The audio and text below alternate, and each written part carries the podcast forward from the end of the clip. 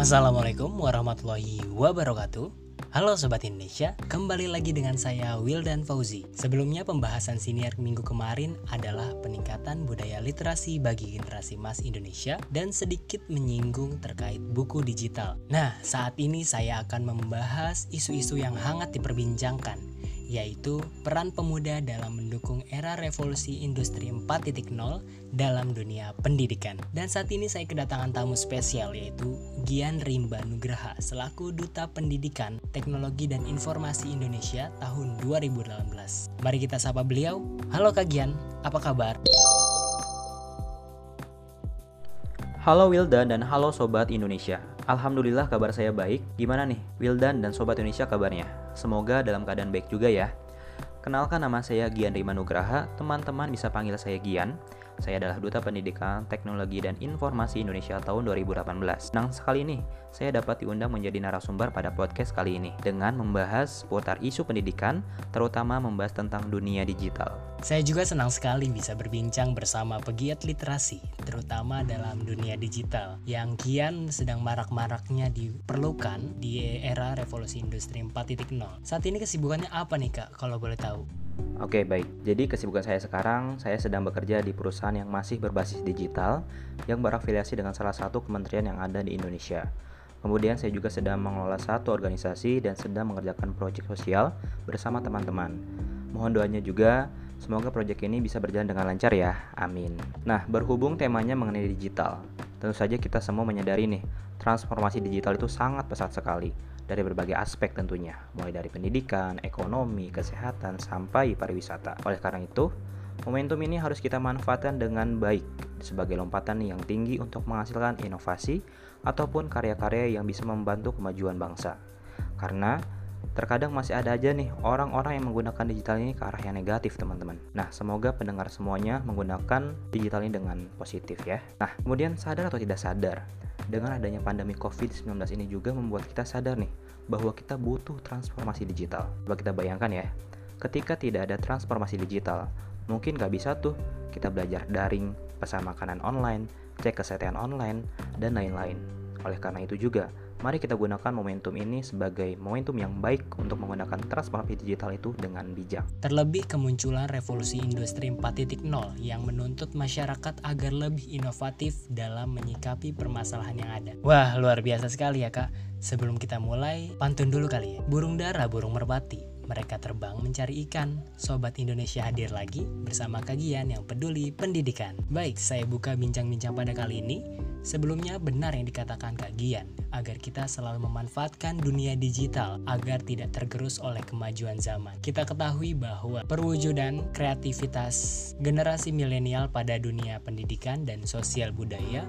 menjadi sorotan publik akhir-akhir ini. Kira-kira bagaimana pandangan Kak Gian untuk mengoptimalisasi generasi milenial dalam menghadapi era revolusi industri 4.0 khususnya dalam dunia pendidikan? Nah, ketika kita berbicara mengenai masalah revolusi industri 4.0 atau 4.0 dan kaitannya dengan pendidikan, tentu saja dunia pendidikan adalah hal yang utama dan sentral untuk mengikuti arus revolusi industri ini karena akan mendesak dan menghasilkan generasi-generasi berkualitas yang akan mengisi revolusi industri 4.0 itu sendiri. Pendidikan di era saat ini banyak perubahan, seperti kita lihat mulai dari cara belajar, pola berpikir, serta cara bertindak peserta didik dalam mengembangkan inovasi kreatif di berbagai bidang. Untuk itu, inovasi teknologi di bidang pendidikan untuk mendukung pembelajaran sangat dibutuhkan pada era ini. Karena untuk meningkatkan mutu sumber daya manusia ataupun SDM agar dapat bersaing di kancah internasional. Nah, di sinilah diperlukan infrastruktur teknologi informasi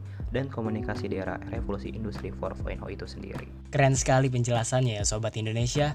Dapat kita simpulkan dari penjelasan mengenai hal tersebut, untuk menghadapi era revolusi industri 4.0 diperlukan berbagai persiapan, di antaranya perbaikan sumber daya manusia. Langkah yang dilakukan dengan mengubah sifat dan pola pikir anak-anak muda Indonesia saat ini. Kemudian peran sekolah dalam mengasah dan mengembangkan bakat generasi penerus bangsa, serta pengembangan kemampuan institusi pendidikan tinggi untuk mengubah model pembelajaran yang sesuai dengan kebutuhan zaman saat ini. Nah, selain itu, kira-kira peran yang dilakukan pemerintah dapat seperti apa sih, Kak? Peran pemerintah dalam mengubah metode pembelajaran itu tentu saja harus memiliki fasilitas yang memadai. Salah satunya dengan menyediakan teknologi yang mumpuni, sebagaimana anjuran untuk menjalani komunikasi, kolaborasi, dan networking. Nah, itu semua akan berjalan dengan baik ketika semua daerah mempunyai haknya yang sama, dari Sabang sampai Merauke. Karena percuma ketika kita mempunyai konsep saja tapi tidak ada aksinya, itu akan menjadi isapan jempol belakang. Wah, benar sekali ya Kak, agar adanya keselarasan antara manusia dan mesin untuk untuk memperoleh solusi dan dapat memecahkan berbagai masalah yang dihadap serta menemukan berbagai kemungkinan inovasi baru yang dapat dimanfaatkan bagi perbaikan kehidupan manusia modern. Kalau dari Kak Gian sendiri, harapan apa yang ada di benak Kakak dalam menyikapi era revolusi industri 4.0 ini? Teknologi itu akan terus berkembang dan ketika kita tidak bisa berinovasi dan beradaptasi, Harapan saya dalam menyikapi era sekarang adalah kita itu harus peka teman-teman. Iya peka, peka terhadap potensi yang ada karena banyak sekali yang kita bisa hasilkan dari transformasi digital ini. Kemudian peka terhadap inovasi. Era ini pada dasarnya memaksa kita untuk bisa melahirkan inovasi. Karena percayalah transformasi digital tidak akan ada gunanya. Dan terakhir, peka dalam menggunakannya. Maksudnya adalah mari kita lebih bijak dalam menggunakan teknologi seperti sosial media ataupun akses-akses internet lainnya. Jadilah contoh yang baik untuk lingkungan. Jangan takut ditinggalkan sosial media, tapi takutlah ditinggalkan sosial kita. Serta terakhir nih, saya mau pesan untuk teman-teman yang suka menggunakan sosial media, karena ini sangat riskan sekali. Banyak yang terlalu fokus ke gadget tapi melupakan lingkungannya. Dan ini pesannya. Wah, keren sekali ya Sobat Indonesia. Pendapat dari Kak Gian ini tak terasa sudah di penghujung ya Sobat Indonesia. Nah, penjelasan ini dapat dijadikan referensi nih Sobat Indonesia untuk kita sebagai generasi muda memaksimalkan kemajuan teknologi demi memajukan pendidikan di Indonesia. Mungkin sekian pembahasan senior pada kali ini. Semoga bermanfaat. Saya ucapkan terima kasih banyak kepada narasumber yang luar biasa sekali memberikan pembelajaran yang sangat berharga. Sebelum ditutup, pantun dulu kali ya. Di bandara ada pesawat RSY. Pulangnya mampir ke tempat makan. Halo Sobat Indonesia, terima kasih sudah mendengarkan. Cakep, terima kasih kembali untuk pendengar setia dari Sobat Indonesia. Yuk kita manfaatkan kemajuan teknologi untuk menyongsong kemajuan zaman demi mewujudkan generasi emas untuk Indonesia cerdas. Nah, kalau tadi Will dan ada pantun, saya juga punya pantun nih. Sore-sore naik kuda, tujuannya ke rumah Alisha.